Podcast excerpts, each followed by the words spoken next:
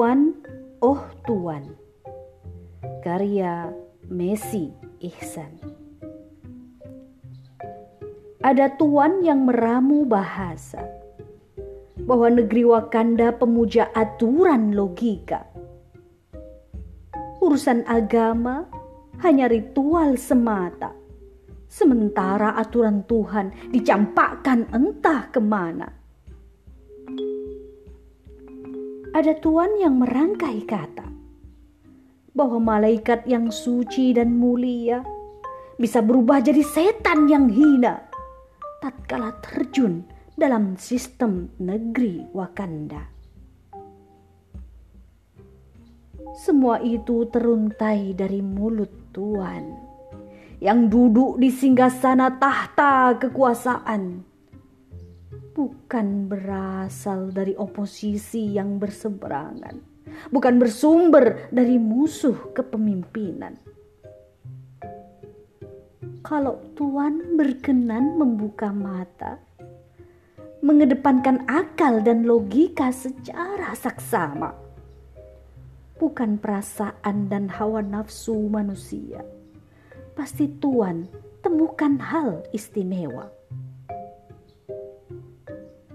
Dalam sistem Wakanda, manusia yang berkuasa.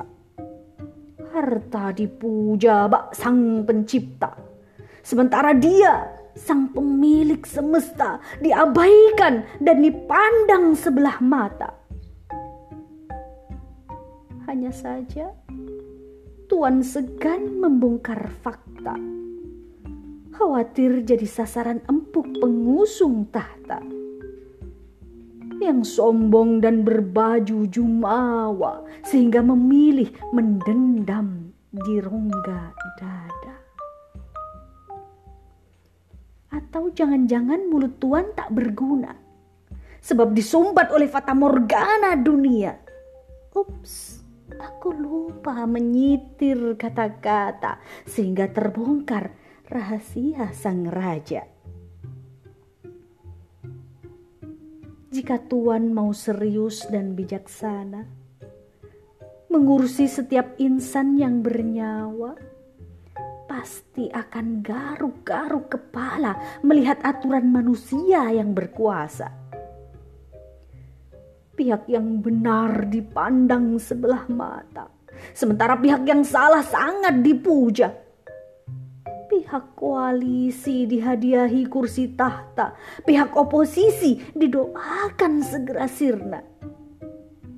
Aku tahu Tuhan punya hati ingin simpati dan peduli pada masalah negeri. Namun mulut lebih dulu terkunci karena tergadai oleh iming-iming duniawi. Tahu Tuhan punya perasaan. Tak ingin melihat kejahatan dan kemaksiatan namun raga terlebih dulu menduduki jabatan karena terpikat ambisi dan kekuasaan walau mengabaikan perintah dan syariat Tuhan. Oh Tuhan, sudahlah. Berubah dan berhijrahlah. Sudah cukup mengkhianati Allah dan Rasulullah sebelum Tuhan binasa dan musnah. Oh Tuhan, berhentilah. Sudah cukup bermuka dua dan indah.